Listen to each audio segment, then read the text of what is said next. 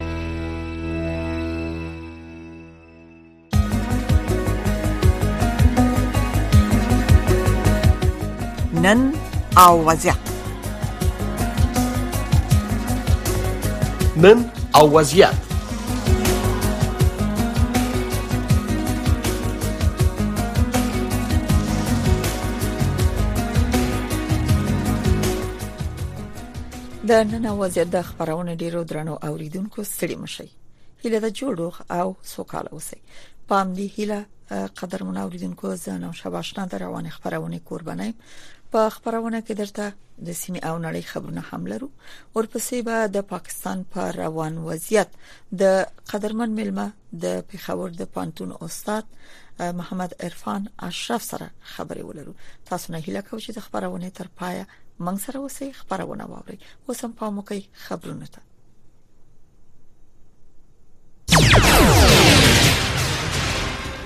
ویان سید سلیمان شاه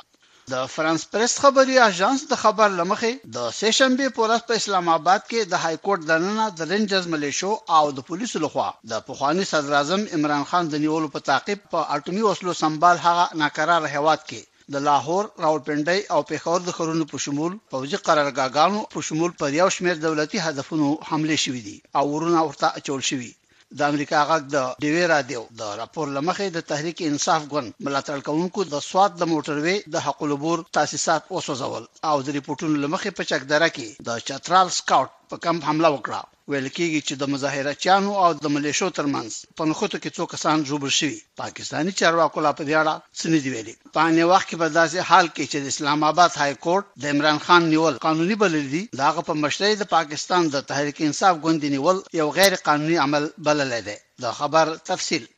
د پاکستان پخوانی صدر اعظم او د پاکستان د تحریک انصاف ګوند مشر عمران خان پرون د سیشن په ورځ د مې د میاشتې په نهمه چې د ثور له 19 نیټې سره سمون خوري په پایتخت اسلام آباد کې پر هغه باندې د لګیدلو تورونو په وخیزه کې د اسلام آباد عالی محکمې ته د حاضرېدو پر وخت ونیول شو ځینو پاکستانی سیاسي مشرانو او د پاکستان د تحریک انصاف ګوند عمران خان نیول غیر قانوني ګڼلې دي خو د اسلام آباد د عالی محکمې یا های کورټ د قاضیانو رئیس عامر فاروق له قانوني پلوه د عمران خان د نیولو په مسئله کې د کورنیو چارو د وزارت د سکرټر او د اسلام آباد د پولیسو د مشر څخه د پلټنو او لغور وروسته ویلي چې هغه د قانون پر اساس نیول شوی دی خو د پاکستان د تحریک انصاف ګوند د اسلام آباد د عالی محکمې پر پریکړه حیرانتیا ښودلې ده د امریکا غږ ډیوې د راپور لمخې د تحریک انصاف د ګوند یو لوړپوړي چارواکي فواد چوهدری ویلي چې د اسلام اباد د عالي محکمې لخوا د عمران خان نیول قانوني ګرځول حیرانونکي دي هغه ویلي چې د عمران خان له ضمانت نه وړاندې په نیولو پریکړه کول له نیولو پرته غیر قانوني دي او پر خلاف به یې په ستره محکمه کې داوا دایره کړي د غورځنګ د امریکا غږ واشنگټن اسلام آباد په شمول د پاکستان په ګڼ شمېر ښارونو کې انټرنیټي خدمات بند شوي دي له بلې خوا د متحده ایالاتو د بهرنیو چارو وزیر انټوني بلېنکن پرون د سې شنبې په ورځ د بریتانیې د بهرنیو چارو وزیر جېمز کلیورلي سره په یوه ګډ خبري کانفرانس کې وویل، موږ غواړو یقیني کړو هر څه چې په پاکستان کې پېښېږي د قانون د حاکمیت او اساسي قانون سره سم وي. د بریتانیې د بهرنیو چارو وزیر هم ویلي دي چې بریتانیا د نوموړي په وینا په پاکستان کې سوله ییزه دیموکراسي غواړي. د امریکا غږ واشنګټن نه د افغانستان سیمې او د نړۍ خبرونه اورئ. په افغانستان کې د طالبانو حکومت د عمران خان له نیول کېدو وروسته د هغه هېواد د وروستیو پېښو په اړه تبصره نه ده کړې. د طالبانو د حکومت د لوړو زده کړو د وزارت سرپرست ندا محمد ندیم په پوهنتونونو کې د نوي نصاب د تطبیق کولو خبر ورکړی او ویلي دي چې د پخواني تعلیمي نصاب بیا کتنې بهیر پای ته رسېدو ته ورنږدې شوی ندیم پرون د سې شنبې په ورځ د پروان ولایت په مرکز چاریکارو کې په یو خبري کانفرنس کې وویل چې د پوهنتونونو تعلیمي نصاب ته د بیا کتنې کار اویا په سلو کې بشپړ شوی. د افغان ژورنالیستانو د خوندیتوب کمېټې په سمدستي توګه د طالب چارواکو له قید نه د دریو مطبوعاتي مسؤلینو او یوه خبریال د خوشې کولو غوښتنه وکړه. د خوست ولایتي چارواکو د غرغښت رادیو مسول مدیر سرور میاخېل او د ولس غږ رادیو چلوونکی محمد شاه خیالي، د چنار رادیو چلوونکی پامیر اندېش او د یوې محلي رادیو خبریال عبدالرحمن اشنا د سې شنبې په ورځ ونیول چې تر اوسه پورې نه دي پریښي.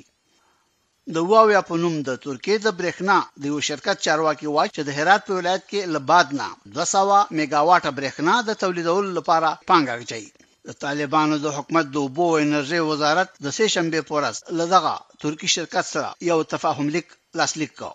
له بلې خوا د ترکمنستان د حکومت هیئت او د طالبانو د حکومت استازو له هغه هېواد نه افغانستان ته د پنځه سوه مېګاواټه برېښنا د صادرولو په اړه تېره ورځ په کابل کې مذاکرات سر ته ورسول. د افغانستان د بیا رغونې د پروژو د څار لپاره د متحده ایالاتو د حکومت د ځانګړي سرمفتش دفتر یا سیګار ویلي دي چې متحده ایالاتو د دوه زره دویشتم میلادي کال له سپټمبر نه وروسته د افغانستان د بیا رغونې وجهي صندوق ته درې پنځوس اعشاریه دوه اویا میلیونه ډالر ورکړي دي. همداشان کاناډا، جاپان، هالنډ، جرمني او ناروې هم په ګډه یو سل او شپږ نوي اعشاریه نولس میلیونه ډالر ورکړي.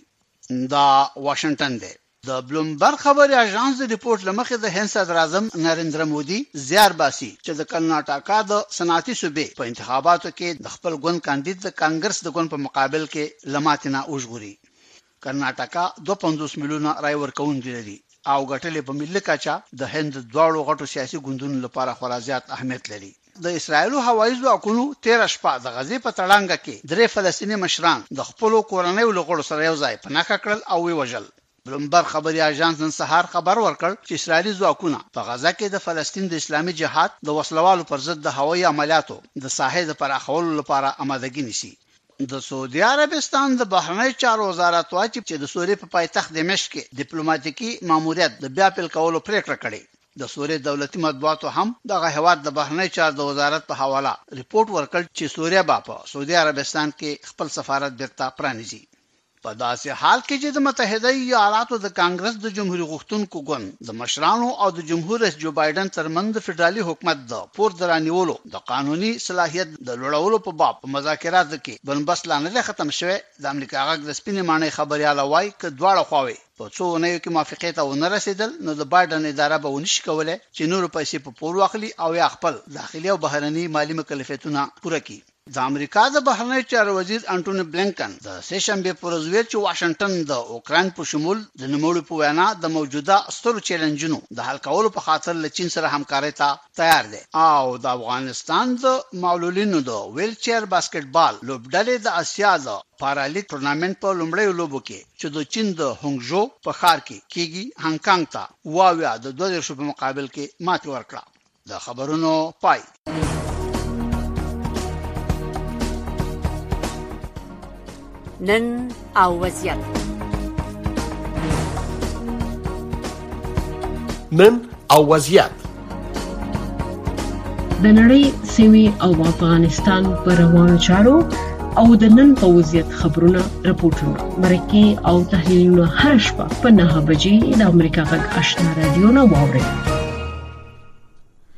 درنو اوریدونکو تاسو د امریکا غږ آشنا رادیو نه د سپینې خبرې او بخي د نن او وضعیت د خبرونه اوریدونکو او لیدونکو یاست مننه چې تر دې شی به موصله وکړه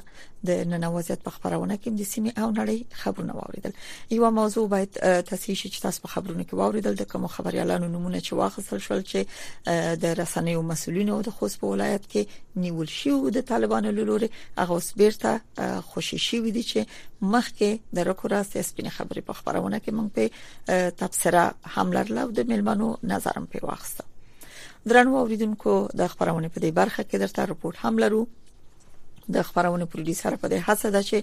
زمون قدرمن ملما محمد اشرف عرفان چې په خبر په پانتون کې استاد دی هغه موږ سره په خبرونه کې مل شي او د پاکستان په روان وضعیت او وروستي او روسي حالات باندې تبصره وکي او خپل نظر ولري نو راځي رپورت په ګډه واورو چې زموږ همکار اکرام شینواری د کابل نه لګل دی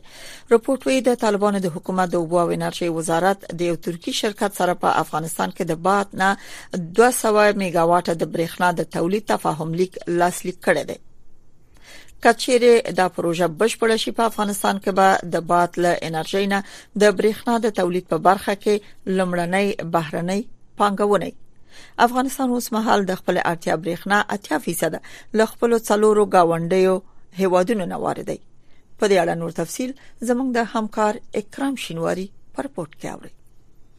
د طالبانو د حکومت د اوبو او انرژۍ وزارت د سې شنبې په ورځ کابل کې د واویا په نوم د یو ترکي شرکت سره د باد له انرژۍ څخه د 200 میگاواټه برېښنا د تولید یو تفاهم لیک لاسلیک کړ د دغه وزارت سرپرست مولوی عبداللطیف منصور د واویا ترکي شرکت د رئیس سلیمان جیلو سره د تفاهم لیک د لاسلیک وروسته خبریالانو ته ویل چې دغه ترکي شرکت به د باد له انرژۍ څخه د برېښنا د تولید لپاره خپلې څېړنې د هرات په ولایت کې ژر پیل کړي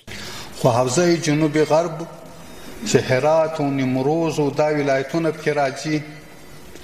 الته لبادي امکاناتو نه که استفاده وشي په ډیر وافر اندازه کې اوس هلته زموږ اسې بحث و چې څومره به په دې علاقو کې موږ برق تولید کړو بعد نه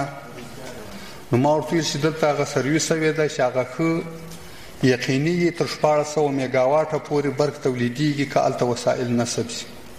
نو هغه براک ډیر ګرځي په هغه کې هغه ویل چې نه په زرهاوو میګاواټه برق تولیدېدلی شي خو که موږ هلته ډېره توجه وشي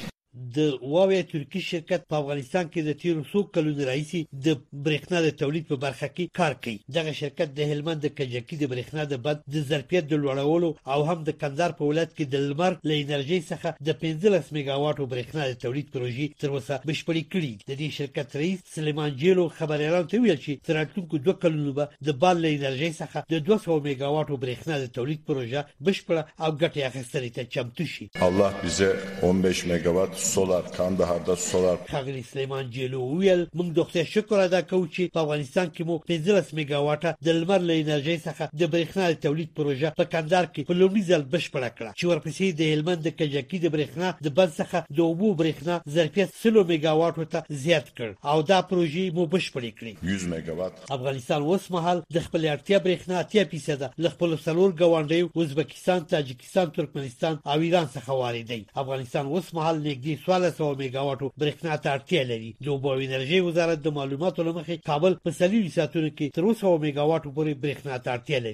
چې اوسمهال د برېښنا شرکت دغه ښار ته په څلوېښت ساعتونو کې د درې سوه پنځوس او څلور سوه مېګاواټو ترمنځ برېښنا برابرولی شي د ترکمنستان سره د پنځه سوه ولټو د برېښنا د مزي د غځولو تړون د تېر رژیم پر مهال د ترکمنستان سره لاسلیک شوی و د طالبانو حکومت هم د دې پروژې بشپړېدو ته لیوالتیا لري خو هغو تمویلوونکو ادارو چې دغه پروژې تمویلولې اوس د دې پروژې د تمویل څخه په شا شوي دي اوبو او انرژۍ وزارت وایي چې د لنډې مودې په پلانونو کې د ترکمنستان څخه افغانستان ته د برېښنا د پنځه سوه ولټه مزي د غځولو او هم د یو زر کیلو واټو برېښنا بل مزي د غځولو پروژې بشپړېدل شامل دي چې د دغو پروژو په بشپړېدو به د کابل د برېښنا ستونزه هم هواره شي او دا ښار به څلېرویشت ساعته برېښنا ولري.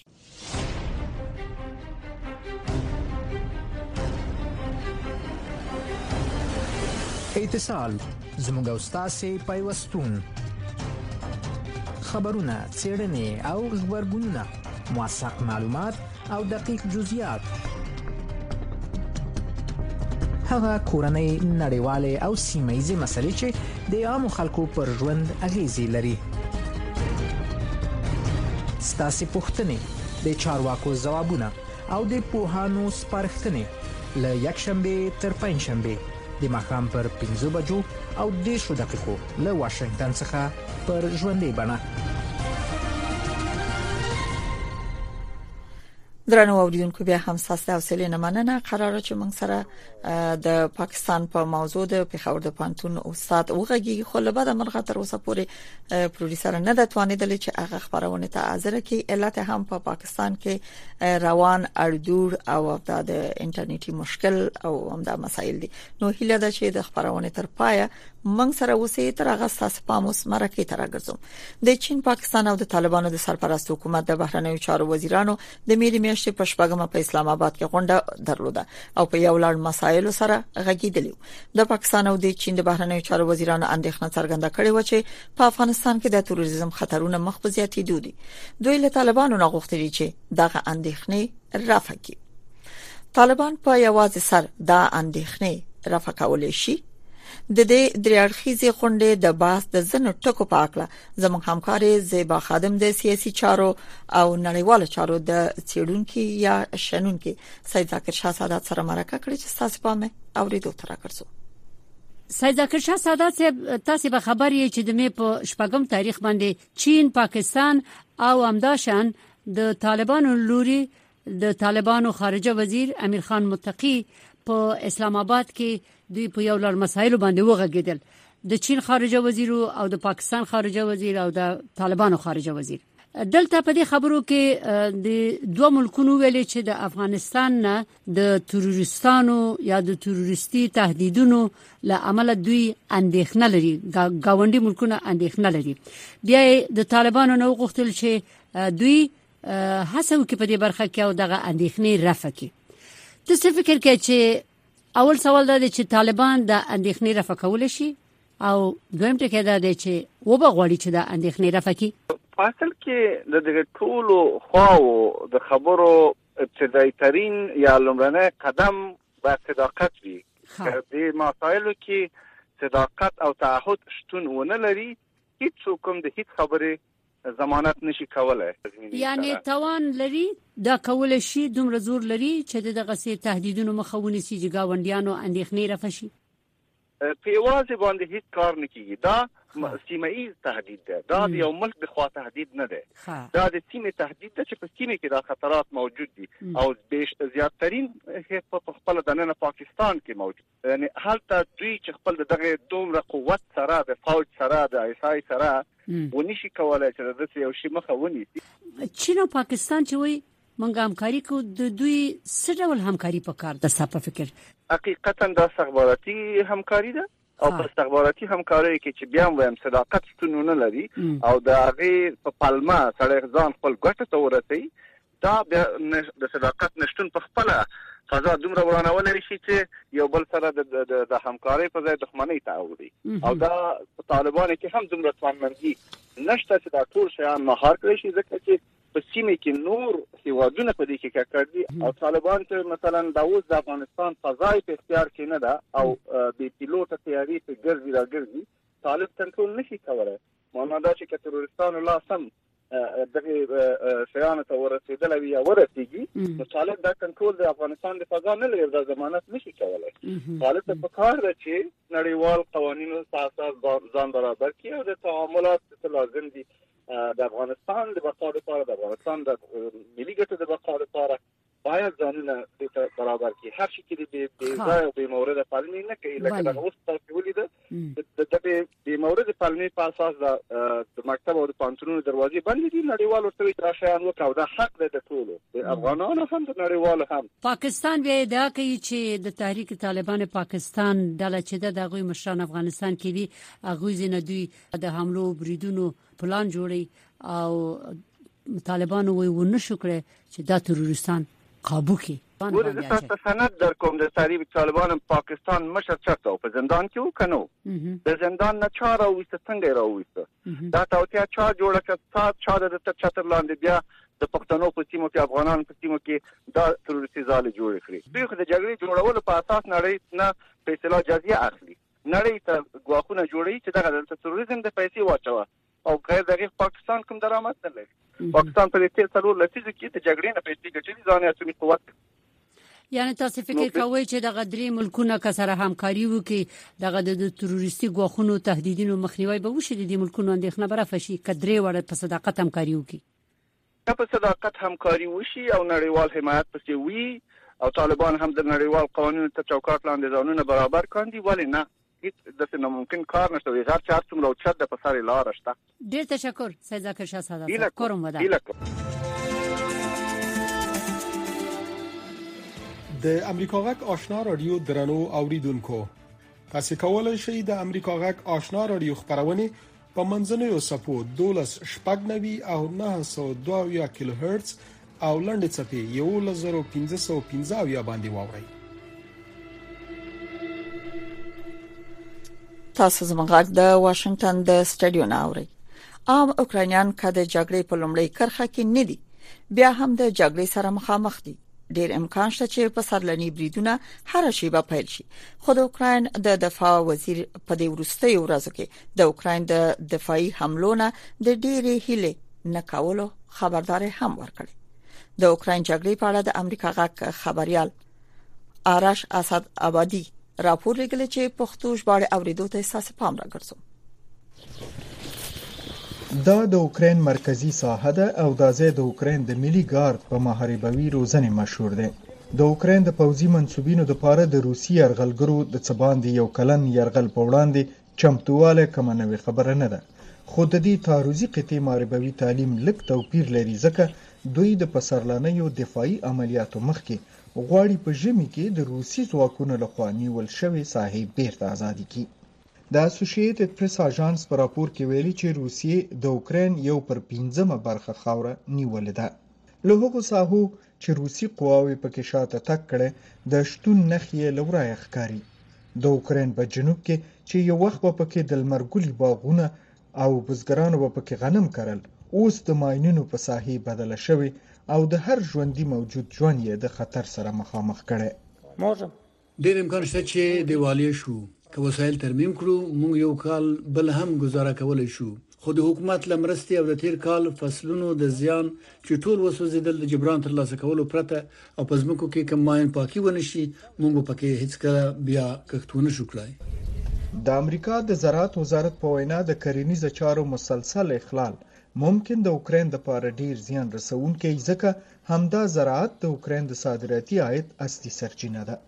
او د اوکراین په مرکز کیف کې په لسګونو کسان د وینې ورکولو لپاره تیار دي سره د دې چې یو شمیر یې مخکې هم وینه ورکړي خو دوی په دې پوهیږي چې د نن ورځې همدا وینه به د جګړې په لومړیو کرښو کې د دفاعي قوت سبب شي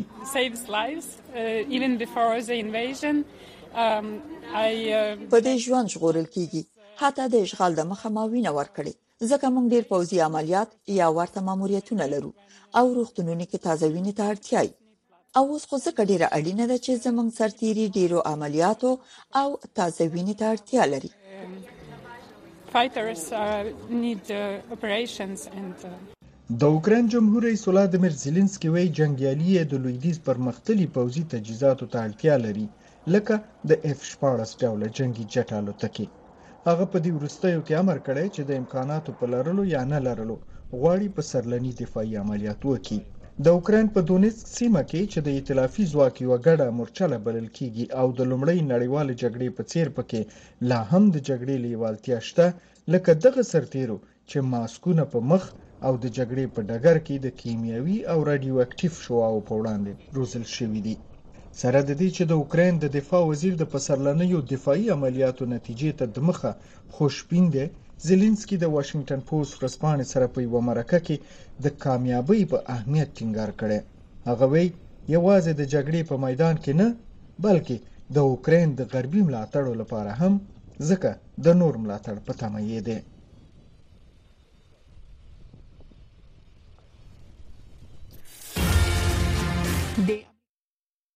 تلویزیون نړۍ ته ستاسو لاره د آشنا تلویزیون بیلابېلو خبرونو کې تازه خبرونه چیرنیز رپورټونه او مهمه مرکه اوريدي شي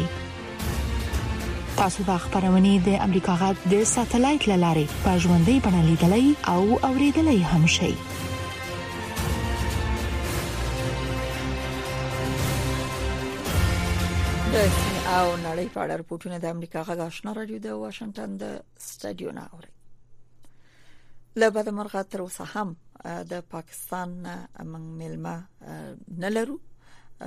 خو بیا هم رپورټونو ته ادامه ورکاو او ستونزه هغه ده چې د پاکستان اوسنۍ وضعیت د دې سبب شوی دی چې برېښنا مزي ځنې زینو کې قطع شوې دي انټرنیټ کار نه کوي نو په همدې سبب ټلیفون کې ستونزه ده په مخې رپورت په افغانستان کې د ملګرو ملتونو سیاسي استازولۍ یا یوناماوي د ملګرو ملتونو په سازمان کې خزینه کارکونکو د زورونه ډار او توقيف سره مخامخ دي یوناما د بشري وضعیت په اړه په یو تازه راپور کې په دغه هیواد کې د بشري حقوقو نه سرغړونه په دوام اندېښنه خوده او ویل دي چې طالب چارواکي د مخالفو غږونو د غلي کولو لړۍ ته دوام ورکړي په دې اړه پام وکړئ رپورت ده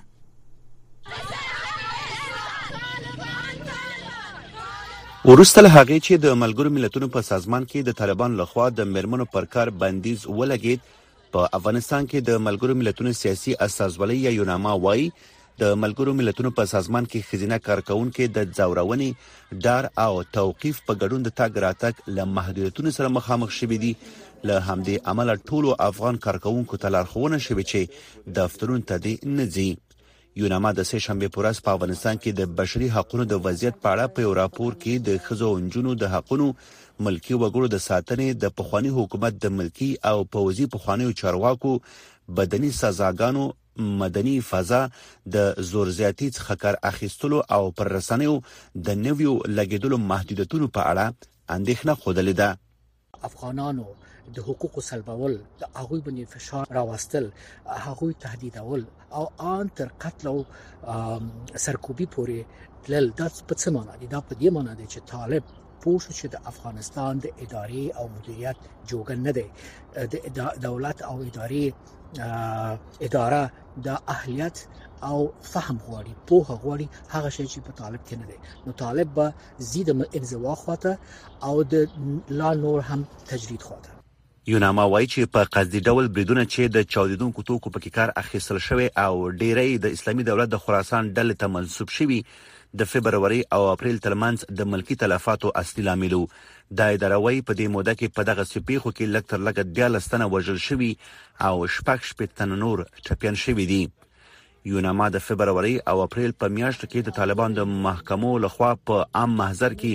د بدني سزاګان دوام یادونه کړې او په اړه یې اندېښنه ښودلې. د طالبانو ویاند ذبیحالله مجاهد د یوناما راپور ته په اشارې ویلي، د شرعي محکمو په اړه د ملګرو ملتونو ادعاوې او اندېښنې بې اساسه دي. بلاخوا یوناما په دغه راپور کې په افغانستان کې د مدني فضا د تنګېدو خبر ورکړی او ویلي دي چې طالب چارواکي د مخالفو غږونو د غلي کولو لړۍ ته دوام ورکوي، په ځانګړې توګه هغه خلک نیسي چې د ښځو او نجونو د حقونو په اړه خبرې کوي. متاسفانه پلان های حکومت از ابتدا یا از تهداب گذاشته شده بر اساس از گذاشته شده که خانم ها حذف شوند چی از مراکز تعلیمات ابتدایی تحصیلی و حتی شغل و وظیفه برای خانم ها محدود شده در افغانستان محدود چی که حتی بیخی متوقف پیدا کرده در افغانستان و این استراتژی حکومت را نشان میده که از ابتدا تا اکنون و شاید تا آینده که حکومت تا زمانی که استقرار می داشته باشه در مملکت هدفش حذف زنا است خزدګنا از تمام امور. یوناما وايي، واکمنو طالب چارواکو د فبرورۍ او اپریل میاشتو ترمنځ د خپلواکو رسنیو د محدودولو لپاره نور ګامونه اخیستي او د فبرورۍ په نهمه د افغانستان د مخابراتو د تنظیم ادارې مخابراتي شبکو ته امر وکړ چې امریکا غږ او ازادي راډیو ویبپاڼو ته د خلکو لاسرسی بند کړي. پر رسنیو محدودیتونو زیاتول او د افغان خبریالانو پر خپل سری ډول باندې نیول ډیر زیات د اندېښنې وړ دی موږ ته که دغه حالت دوام وکړي په افغانستان کې به هیڅ خبریال او هیڅ رسنۍ فعالیتونه لري چې دا یوازینی غوښتنکې دی اوسنی حکومت د چې دوی غواړي په افغانستان کې رسنۍ او خبریال فعالیتونه لري طالبان د ملګرو ملتونو د مرستندوی پلاوی دفتر دغه راپور ته غبرګون نه دی خودلی وحید فیضی امریکا غږ